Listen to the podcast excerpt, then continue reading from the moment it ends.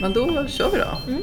Hej och varmt välkomna till Akademipodden, Sveriges Unga Akademis podcast. Och Sveriges Unga Akademi, det är fortfarande en oberoende tvärvetenskaplig plattform för ett urval av de mest framstående yngre forskarna. Idag är vi på akademimöte i Oslo och ser fram emot att träffa nordiska kollegor senare idag.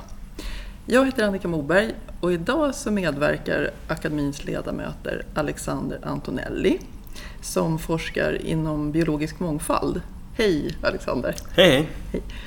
Och eh, Steffi Burchardt, strukturgeolog som forskar på vulkaner. Eh, och Helena Philipsson, kvartärgeolog. Hej Helena! Hej, hej! Och hej Steffi! Hej! hej.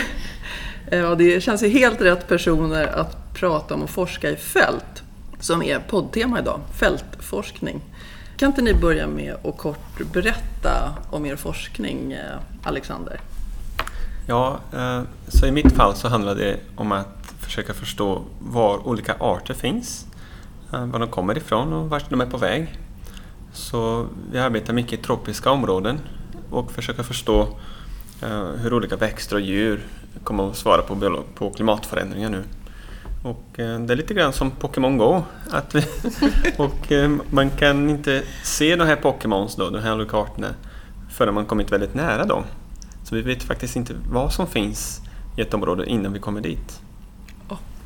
Och Helena? Mm. Jag är ju marinforskare så jag studerar hur olika marina miljöer och hur klimatet har varierat om ungefär de senaste 130 000 åren. Och jag är särskilt intresserad av områden som är utsatta för syrebrist och hur ekosystem svarar på när de utsätter för syrebrist. Ja, och Steffi, hur ser din forskning ut? Ja, jag forskar om eh, vulkaner och särskilt då om hur magma transporteras och lagras i jordskorpan. Så jag vill gärna förstå vad som pågår inuti en vulkan. Oh, det låter spännande. Det här med fältforskning, eh, det är lite för en del tror jag idén om vad en forskare är.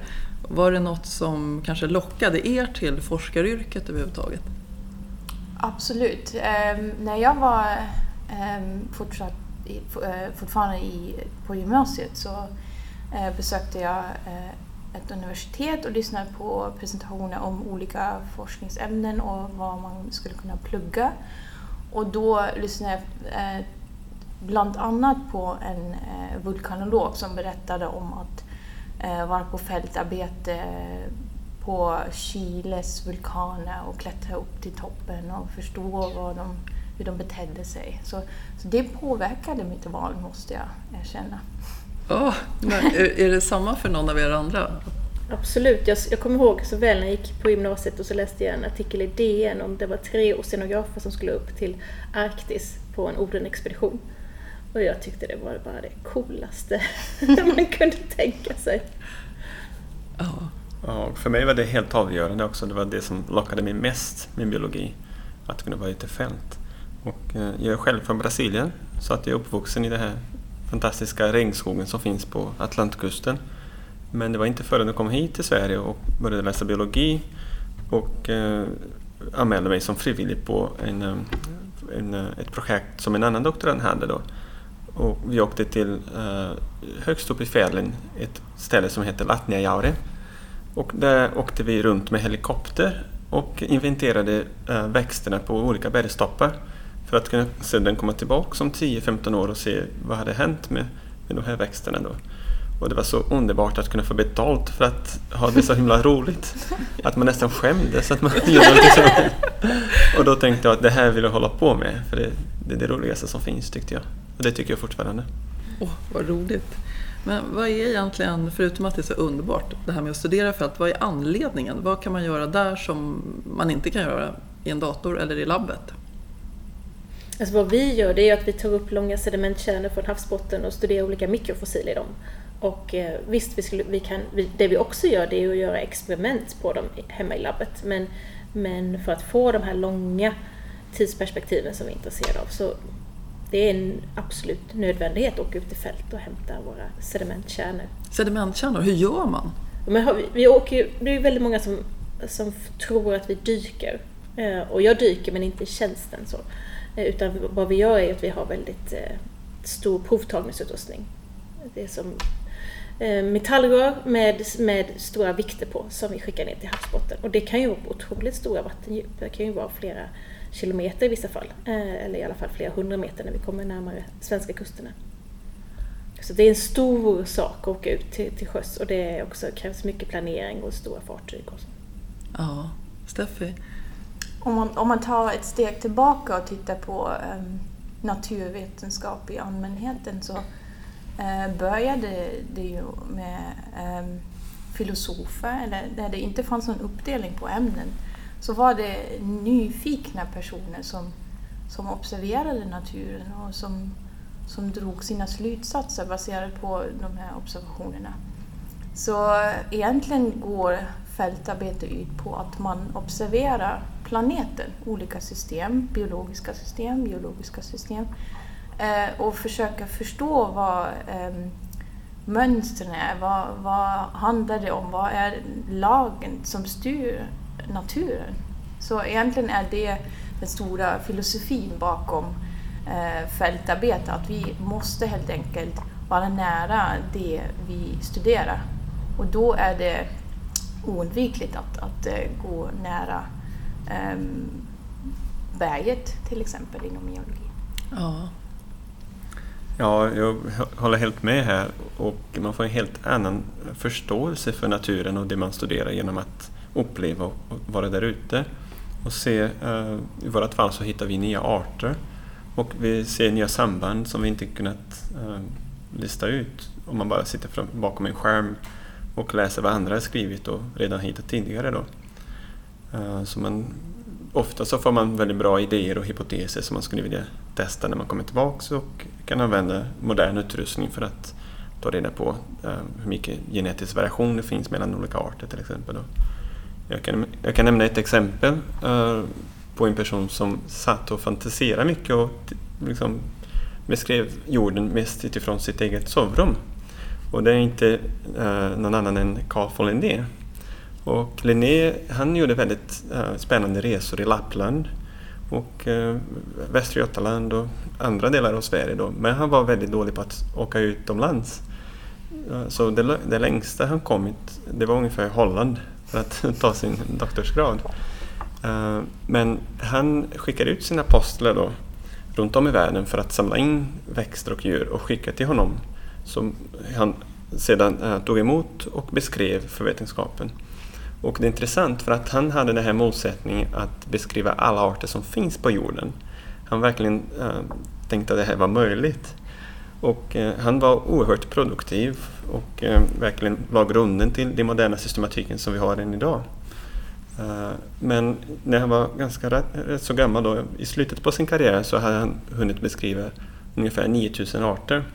Och innan han dog så sa han att ja, det kanske finns dubbelt så många, 18 000. och idag så vet vi att bara i Sverige har vi ungefär 50 000 olika arter av flercelliga organismer. Och vad gäller växter har vi 400 000 olika arter. Uh, för att inte tala om uh, djur. Att vi vet inte hur många Eh, skalbaggar det finns i världen. Det kan, det kan röra sig om flera miljoner kanske. Så att uh, på något sätt så hade han lite avstånd från naturen vilket gjorde att han överhuvudtaget uh, tog på sig uppdraget uh, att beskriva alla arter. För att hade han fötts i ett land som, som mitt, Brasilien, så tror jag att han aldrig hade fått för sig att ens börja tänka på det, det var möjligt. Snabb utmattningsdepression. så det, det, kan finnas fördelar med att också sitta och ha det här helikopterperspektivet. Men i slutändan så, så handlar det om att uh, testa det som man hypotetiserar, som man tänker i verkligheten, i naturen. Ja, eh, men hur väljer man då ett eh, lämpligt fältområde? Steffi, har du en favoritvulkan? um Delvis är det ju så att, att man som student eh, får åka med på, på andra forskares eh, fältarbete och, och blir sen helt inspirerad av den platsen. Men om man får välja helt fritt som, som eh, forskare då ska skriva ansökningar och så, då läser man på eh, om, eh, andra, om, artiklar, om det finns artiklar om, om det området och så vet man ungefär sammanhanget i, eh, för vulkanen då man ska välja. Och, så man försöker ungefär ta reda på Ehm, att, man, att man också hittar i princip det man letar efter. Det, eh, det, de detaljerna man eh, vill studera då i vulkanen. Så man förbereder sig noggrant eftersom man, man eh, den här stora expeditionstiden när folk åkte ut som Humboldts tid till exempel, eller Darwins tid. När man bara åkte ut och tog in allt som man observerade, den tiden är mer eller mindre förbi. I alla fall eh, i de flesta om områden på jorden. Nu, nu ähm, äh, åker vi ut med, med väldigt äh, detaljerade mål och vi vill helst använda våra, vår tid och våra resurser så effektivt som möjligt. Är det som eh, eh om man ska få tid i ett eh, teleskop så, så kan ju det vara väldigt begränsat. Hur, hur ser det ut i era fält? Kan det vara svårt att få tillgång till miljöer eller utrustning? Det kan vara svårt att få fartygstid om man behöver en, en särskild utrustning och, och särskilt, ett särskilt fartyg helt enkelt att, att, få tid på en båt.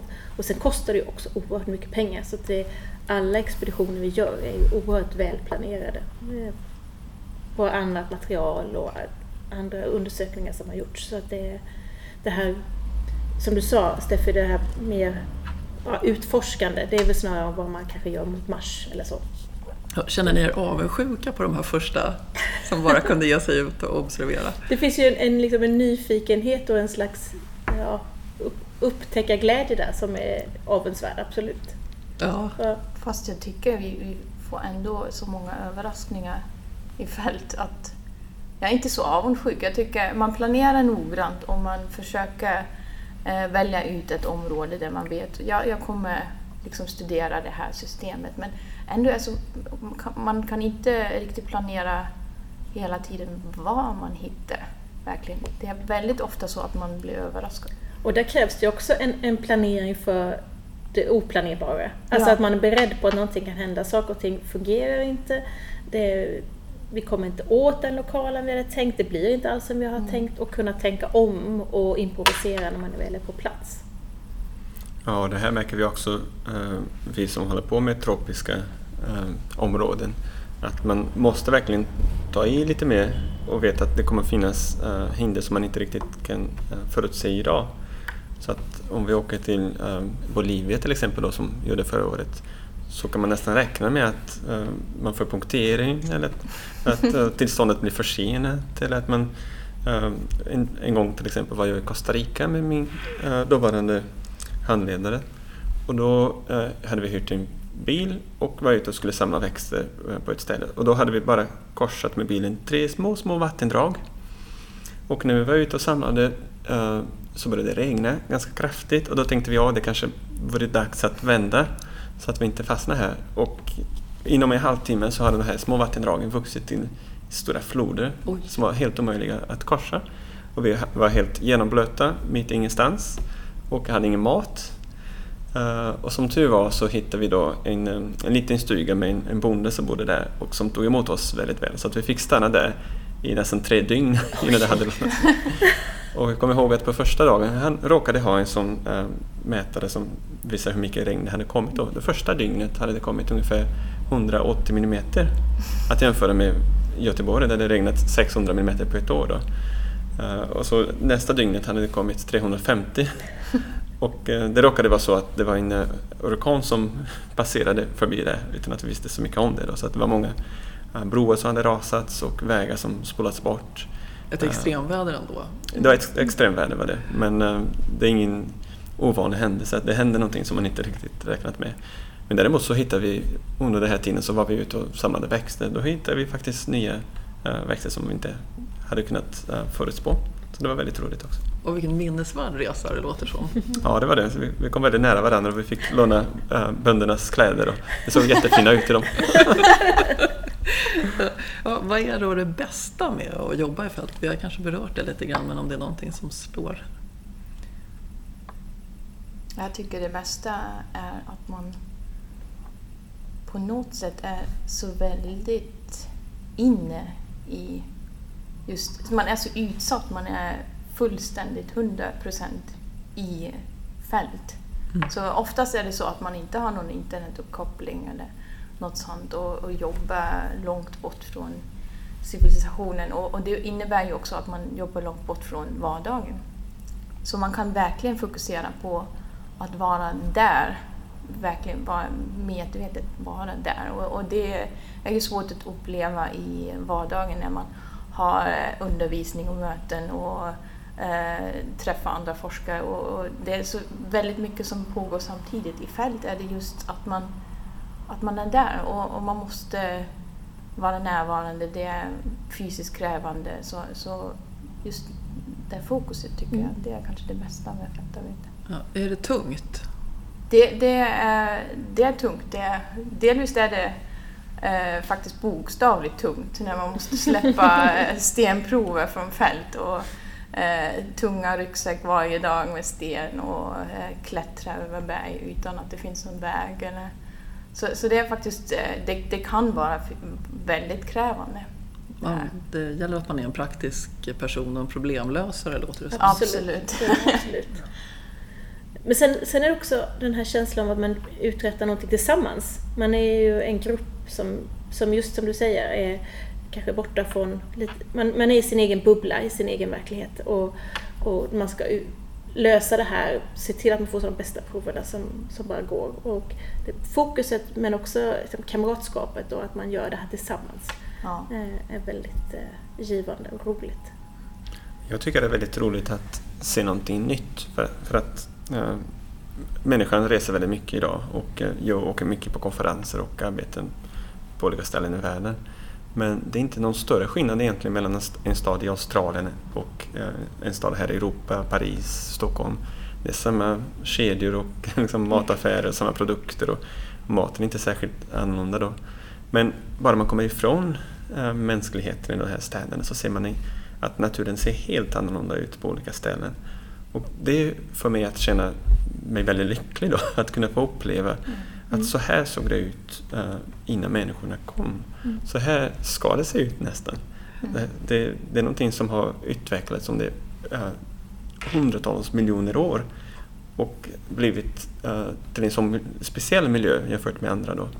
Och, uh, den känslan att liksom vara i en ursprunglig miljö som inte skapats av människan uh, är väldigt härlig. Och uh, framförallt att kunna hitta någonting nytt, hitta en ny art.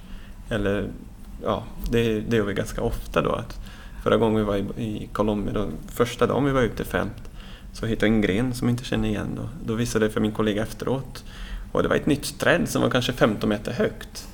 Och när man tänker på att det finns ja, 10-20 olika arter av träd i Sverige då, att hitta ett nytt träd, träd, det är någonting som man gör ganska ofta då, så det finns väldigt mycket kvar att upptäcka. Så visserligen eh, kunde Humboldt och eh, Darwin och de andra hitta väldigt mycket nytt, men det finns fortfarande ganska mycket. Och det är nog inte bara i biologi utan andra ämnen också. Men man måste eh, anstränga sig för att kunna komma ut till de här mera outforskade områdena runt om i världen. Ja. Jaha, eh, ja, det låter alldeles underbart får jag säga. Eh, men det, här, det finns ju utmaningar också, fältspecifika utmaningar. Vad är, vad är det värsta då med att jobba i fält? Det värsta är att vara väldigt svårt sjösjuk. på en liten båt. Och det är jättejobbigt. Jag var ute på en expedition utanför Nordvästafrika. En stor, ett stort tyskt forskningsfartyg. Eh, vi var ute tre veckor i sträck och det var jättebra. Varje eftermiddag så eh, fick vi kaka och kaffe klockan tre och det var soligt och varmt på däck och jag tänkte det här är helt fantastiskt att jag ens får betalt för att göra det och sen bara några månader senare var jag ute på en liten norsk båt eh, ute på Skagerrak och jag skulle visa dem hur de skulle ta vattenprov åt mig. Och jag blev så fruktansvärt sjösjuk. Jag kunde inte visa dem, jag bara låg ner i, i min kabin och ja, jag mådde så dåligt. Men jag tänkte, det finns inte pengar på denna planet som kan betala mig tillräckligt mycket för att jag ska stå ut med detta. Nej. Nej då är det inte roligt. Hur gick det då? Nej, de tog ju vattenproven åt mig. De, ja. det löste sig. Men du är ju väldigt mycket till, till sjöss då i fält. Ja. Vänjer du dig? Eller liksom? Vad sa du? ja, det gör man. När man är ute under långa perioder, då vänjer man sig. Men är man bara ute några dagar så eh, då ska man naturligtvis ta sjösjuketabletter. Ah. Ja. Om man, Stalltips an, alltså? Om man nu anlag på att vara sjösjuk. Ja. Visste du att du hade det? Ja, det visste jag. Steffi? Det värsta? Jag, jag vet inte. Sitter man här i ett torrt rum och det är behagligt och så, då, då tänker man det, det, är inte så, det är inte så farligt mm. det här. Men står man uppe på, på, någon, på fjället och det blåser, det här horisontellt regn, man är helt nedblöttat. Mm. och, och, och sen, eh, ja, man vet att det tar ungefär tre timmar tillbaka. um, och kanske sover man då i tält och ingenting blir torrt då tycker man det, det här är kanske inte så roligt, jag vill vara tillbaka på kontoret. men men eh, efteråt så, så blir det alltid liksom, man, man betraktar det eh, genom en, en rosa eh, man betraktar det genom rosa glasögon lite grann. Det blir lite glorifierat och, och man glömmer det lätt. Glömmer att, att, att, det är obehagligt mm. ibland och, och jobbigt och, och, att man, man är trött och så. En annan sak som jag vet att det är många eh, som tycker att det är lite svårt är att man inte riktigt kan förutse vad, vad som kommer hända. Det är miljön som, som eh, till exempel det här med vädret. Att man inte kan riktigt styra vad som händer, vad, när man kommer tillbaka, eh, hur, hur, det funkar med logistiken ibland så, så träffar man på människor och, och eh, de vill inte att man komma åt deras tomt eller så. Så att det, det, är väldigt mycket, det är väldigt många faktorer som man inte kan styra och det, det kan vara lite obehagligt. Många forskare tenderar ju att vara väldigt eh, strukturerande och välplanerade och jag förstår att det verkligen krävs av er. Mm. För det är inte lyckat om man befinner sig långt ute i djungeln eller ja, på en resa och om man har glömt just det där verktyget eller någonting. Har det hänt någon gång att det någonting som har blivit kvar på hemmaplan eller i land? Eller? Ja, det har hänt mig många gånger. för att eh, man vill gärna kunna resa lite lätt också. För att man har all sin utrustning på ryggen och ska vandra kanske tio timmar för att komma till ett ställe då och eh, sova där. Man har mat och sen ska man samla massa växter. Sen har man en jättetung kamera runt halsen så bara, och eh, kikare och alltihopa. Så det, det kan vara ganska tungt att bära. Men eh, det är väldigt förvånansvärt hur mycket eh, man kan improvisera. Med en armékniv och ett rep så kan man göra väldigt mycket. och, eh, och sen är det så att alltid när vi är ute och gör fältarbete så har vi alltid med folk som bor där då. Studenter eller guider som hjälper oss och de är också otroligt skickliga på att just improvisera i deras, deras hemmiljö. Så det är väldigt, man lär sig otroligt mycket. Ehm, dels vissa växter som man kan äta och eh, vad man kan dricka vatten, hur man ska sätta upp ett tält. Så det är väldigt bra att ha den här eh, kontakten med, med, med de som bor där.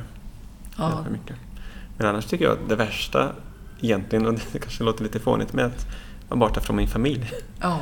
För att eh, det är det här paradoxen att å ena sidan så skulle vi behöva mera tid att kunna vara där och verkligen utforska ett område. Så att man har ständigt dåligt samvete att vara borta så länge. Så vi måste alltid begränsa att inte vara borta mer än kanske två veckor i taget eller så. Men eh, då, får man göra, då man, måste vara väldigt effektiv när man är ute i fält. Och då kan man känna sig lite frustrerad ibland när man får punktering och får ägna sig en hel eftermiddag att laga det. Mm. Eller att man väntar på något tillstånd eller att man måste kanske köra ut i två dagar innan man kommer till ett fint orört ställe då. I och med att städerna växer och naturen krymper så blir det svårare och svårare att komma till de här riktigt fina, intressanta områden. Ja, märker, märker du det som forskare om biologisk mångfald? Då? Ja, i allra högsta grad gör det. Och, eh, och tyvärr så tror jag att eh, jag har väldigt mycket erfarenhet från Latinamerika, de flesta länder där. Då. Och eh, det som finns kvar idag det är nästan bara nationalparker.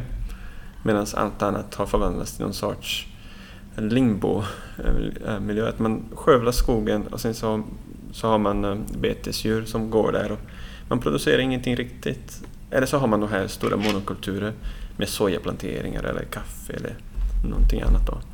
Så att eh, det, händer, det går väldigt fort. Och eh, när vi sitter och planerar våra resor så vill vi gärna komma till ett ställe för att hitta efter någon speciell växt eller djur. Då. Men det är, ganska, det är nästan lönlöst att komma till just de ställena där de, där de här arterna setts tidigare. För att nästan alla som eh, de här växterna som blivit samlade förut är borta idag. I och med att städerna växer på bara några, ja, på tio år så kan det vara stor, stor skillnad på um, miljön runt omkring städerna. Då. Ja, det, så det ser man tyvärr. Ja, så att, eh, trots att du får uppleva och se alldeles nya arter då, så, så försvinner det ju i en större omfattning än på väldigt länge nu. Är det så? Ja, det är så. Eh, och där gör man ett viktigt arbete med att kartlägga vilka arter som finns var. För om man inte vet vad som finns så kan man inte heller skydda det. Eh, så det är en ganska grundläggande kunskap eh, som man behöver mycket information för att kunna veta vilka områden som är mest värdefulla att bespara för framtiden. Och, och därigenom också försöka få allmänheten och politikerna att satsa sina resurser just på de områden som är mest värdefulla. Ja, nyckellokaler och nyckelarter. Precis. Jag hörde en, en, rolig liknelse en gång med att om man ska se på biologisk mångfald då, som en stad, att om man tog bort till exempel eh, alla sopåkare, polisen, skolan eller sjukhuset så skulle ju staden bryta ihop. Liksom. Att det finns att arter har olika roller. Så där. Det tyckte jag var, då förstod man liksom att just mm. det, att det Ja, men tyvärr så vet vi inte riktigt vilka arter som spelar störst roll. Det, det, måste inte vara just de som är liksom gulligast eller som vi tycker bäst om. Det skulle kunna vara några, några maskar som ingen bryr sig om men spelar väldigt stor som, roll för naturen. Men som vi kanske måste äta snart. Ja.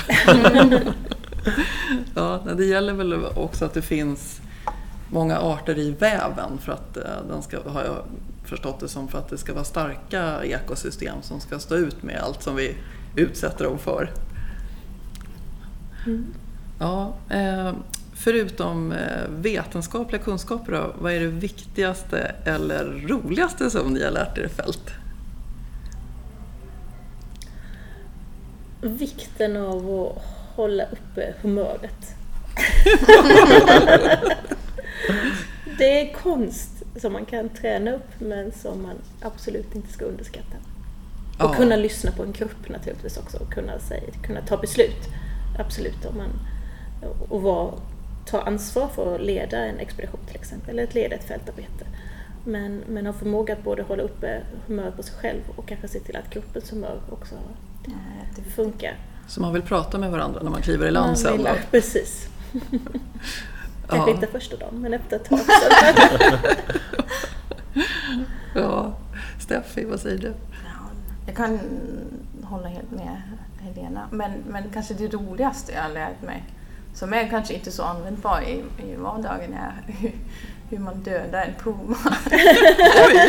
Varför fick du lära dig det? Um, det fick jag lära mig uh, på fältarbete i Argentina och vi uh, jobbade i ett område där det finns väldigt många uh, pumor och, och, deras bestånd har, har lyckligtvis gått upp. Så, så de, har, de är väldigt anpassningsbara. Som, ehm, eh, stora predatorer så, så de äter egentligen vad de hittar och tyvärr är det så att de äter både eh, bondernas jätte och kossor och så men också ibland människor. Så eh, för, för bonderna där som, som är väldigt fattiga så är det en stor tragedi när, när puma dödar deras djur. Um, och ibland så, så möter de en puma i, i fält när de är ute och eh, tittar efter sina djur. Så, så de eh, går alltid eh, och tar med sig flera hundar och de har ett stort kniv som de stoppar in eh, i bältet eh, på ryggen. Då.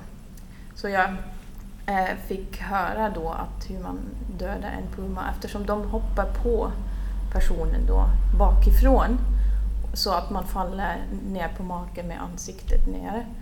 Eh, och därför har de sina stora kniv eh, just på, på ryggen. Så man kan ta, lätt dra knivet då och eh, döda puman genom att, att eh, typ ja, eh, skära upp när den anfaller. Precis. Men, men jag hoppas verkligen att jag inte behöver använda den kunskapen någonsin. Nej, det låter dramatiskt. hade du kniv på dig när du var ute? Nej, jag hade med min, mitt lilla fällkniv och, och, det var till och med i, i ryggsäcken så jag, det, jag skulle inte ha någon chans mot Nej. Ja, Alexander? Ja, jag har inte så många roliga saker att berätta så, men en sak som jag har fått göra lite grann är att klättra i träd. Och det, väldigt, det låter lite barnsligt kanske men när man är ute i regnskogen så kanske 30-40 meter högt upp till där man kan se blommorna och frukterna. Och då finns det några väldigt roliga äh, skor, eller vad man ska kalla dem, som man kan haka på fötterna då och sen eh, äh, går det runt i hela stämmen. Och då kan man komma väldigt högt upp. Eh, och det har jag gjort några gånger då. Och sen när man är där högt upp, 20-30 meter då, och eh, och vet inte om försäkringsbolagen skulle godkänna precis hur man, hur man gör detta då. Men då är det någon som ska ge dig en, eh, det som vi kallar för en epifytstång. Och det är en lång pinne med en sax i, i änden då och så ett litet snöre. Och det är ju väldigt bra på att uh, verkligen komma upp till de här 40-50 meter och, och kunna liksom, Eh, ta tag på en gren med blommor och frukter som man oftast behöver för att kunna veta vad det är för art. Och sen så klipper man det och sen faller det ner hela vägen ner till marken. Och, eh, och efter två timmar då så är det någon som går och tittar på den och så säger de Nej, det var inte den vi letade efter. men, eh, ja.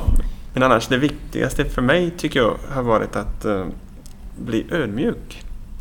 För att uh, vi sitter ofta och skriver här, vi gör stora slutsatser om hur den biologiska mångfalden utvecklats och vad som kommer att hända nu. Och sen kommer man ut i naturen och märker att det är så himla mycket man inte vet. Och dels väldigt många arter som ingen någonsin sett och sen vet man inte vad de gör för någonting heller i ekosystemet. Så det finns, genom att komma ut så tror jag att vi blir väldigt ödmjuka inför den här stora uppgiften att förstå naturen. Och vi som naturvetare tror jag att vi alla känner igen oss i det att vi, även om vi publicerar mycket och får stora datasätt så är det en bråkdel av det som faktiskt finns där ute. Mm. Ja. Oj, det är lite action här i Oslo. Om det hörs, kanske slår igenom mm. ljudet från sirener. Ja, men vi har så mycket av vår planet som vi inte förstår. Så, så även om de stora expeditionerna ja, de är förbi, men, men vi, vi behöver inga fler planeter att studera egentligen. Så, så det är så mycket kvar. Vi kan, kan hålla på hur länge som helst. Och sen är det ju inte som Alexandra och Helena säger statiskt heller utan ja. det är... Mm. Ja, och förändringen just hur, hur vår planet förändras eh, både liksom naturligt men också på grund av hur vi människor påverkar den. Eh, det ja, vi, vi hinner inte med att utforska allt det. Så, så eh, framtidens forskare, de har väldigt mycket att göra. Ja, det låter lovande. Har ni råd till eh, eh, någon som tänker jag ska nog bli forskare och kanske ska på sin första vad heter MFS-studie, Minor Field Study, finns det vad som man kan åka på. Jag vet till exempel att en forskare som jag känner att det kan bli så när man kommer fram att, att det just är så att man, man kanske inte alls kan göra det där som man hade planerat så mm. noga hemma. Mm. Och är det då första gången man är ute så kan ju det bli jättetufft och man tänker att men jag måste ju producera till mitt examensarbete mm. eller vad det är nu. Vad, vad ska jag göra? Liksom. Men jag tror att i det här fallet så, så tittade de på vad de hade där och så gjorde de det bästa av det. Och, men att man verkligen får tänka om och vara just väldigt en praktisk problemlösare. Men be om hjälp där, att våga be om hjälp, att inte tro att man kan lösa allting själv, särskilt när man kommer i en sån situation. Och våga tänka om helt enkelt. Ja, precis som du sa, att nu blev det inte så här, men vad kan vi göra istället? Ja. ja. Och det kan hända kanske även rutinerade forskare? Absolut. Då, då? Ja, absolut. Eh, jag tycker det är även något som jag skulle råda alla forskare. Eh, närma dig naturen med ett öppet sinne. Var nyfiken och, och ta in allt som du observerar utan att dra några slutsatser i förväg. Eh, det kommer finnas jättemycket att upptäcka. Det behöver inte några förutfattade meningar. Ja, sluta aldrig att fråga. Mm. Och eh, bli nyfiken. Jag känner ofta att nya studenter har väldigt många, de har stora frågor ibland. Men att man inte låter sig tystas ner. Eh, att man måste ha med sig den här nyfikenheten och verkligen ifrågasätta eh, andra forskare och eh, mera seniora professorer. Då. Och det är någonting som man verkligen kan ha nytta av. Att man inte låter sig konformeras, homogeniseras med andra utan verkligen, om man brinner för någonting, om man tycker det är väldigt roligt att just jobba med, med en viss grupp av djur eller växter, att man får möjlighet att uh, fortsätta med det. Och uh, det är väldigt bra att prova på om man har möjlighet och haka på någon expedition till mm. exempel. Då. Mm. Uh, och det, ju, det, ändrade min karriär helt och hållet när jag var med på det här, jag var två veckor då i fjällen som jag berättade förut. Och just den erfarenheten var någonting som verkligen uh, vändpunkten för vad jag vill göra i framtiden. Uh, och det spelar ingen roll att jag inte fick betalt, men mm. att liksom bara kunna vara med och uppleva forskningen uh, istället för att bara läsa om den. Det är någonting som är helt, väldigt värdefullt. Ja, precis. Om man, om man läser vid universitetet och man lyssnar på en föreläsning och man tycker det här är ju jättespännande. Säg någonting till föreläsaren. Säg det här kan jag, kan jag hänga på någon gång. Behöver ni hjälp? Vi behöver ju alltid hjälp. Ja. ja. Så det finns möjligheter. Eh, en sista fråga. Har ni någon typ av drömfältstudie som ni skulle vilja göra? Ja, jag var på så många fantastiska ställen redan. Så jag tycker om dem alla. Så särskilt det, det i vardagen så tänker jag tillbaka när det är väldigt stressigt så tänker jag tillbaka och föreställer mig just den här blomman. man sitter där och det finns ingenting runt omkring bara mig och vulkan. Ja. och, ja, Men du, du besöker lite lugna vulkaner? ja, jag forskar mest om döda vulkaner. Men, men eh, det, det, finns så mycket där ute som, som jag vill gärna se under min karriär. Så, så det finns inget särskilt ställe just nu dit jag vill men, men eh, jag vill helt enkelt fortsätta och upptäcka eh, naturen. Och, ja, jag vill alltid åka ut i ja. fält. Jag är väldigt förtjust i fjordar. Ja. Och jag skulle väldigt gärna provta fjordarna på Nya Zeeland och eh, i Chile. Det låter fantastiskt. Mm. Och Alexander, har du någon? Jag har länge försökt komma till ett av de här taffelbergen som finns mitt i Amazonas. Om man tänker sig Amazonas så är det väldigt lågt, kanske ja, under 20 meter ovanför vattenytan. Och då finns det några väldigt gamla, gamla basaltberg som är nästan två miljarder år som sticker upp 2000 eh, meter. Eh, så det är liksom som öar mitt i det här regnskogen. Och eh, vi har faktiskt haft finansiering men inte riktigt lyckats få tillstånd från indianerna att besöka det här. Så att det är en ganska lång förhandlingsprocess med dem. De ska se någon nytta av det. Och det är mycket viktigt att om man gör ett sådant fältarbete att uh, ursprungsbefolkningen också får någonting tillbaka som är viktigt för dem. Då. Men uh, dit skulle jag väldigt gärna vilja komma. Ja, det är kanske en lite annorlunda typ av argument då som man får tänka på. Att uh, ge tillbaka någonting. Ja, vad man ska ja. ge tillbaka och hur. Precis, och det är någonting som har uppmärksammats mycket nu med det här uh, Access and Benefit Sharing uh, under Nagoya-protokollet, biologisk mångfald. Så att under flera hundra år så har uh, europeer och nordamerikaner åkt till tropiska områden och hämtat in väldigt många växter och djur och ibland gjort, tjänat mycket större pengar på det, eller även i forskningen. Och det är någonting som man verkligen eh, har ifrågasatt och eh, man vill gärna att, eh, bygga upp den kunskapen som finns i de här olika länderna då, eh, genom att ge tillbaka.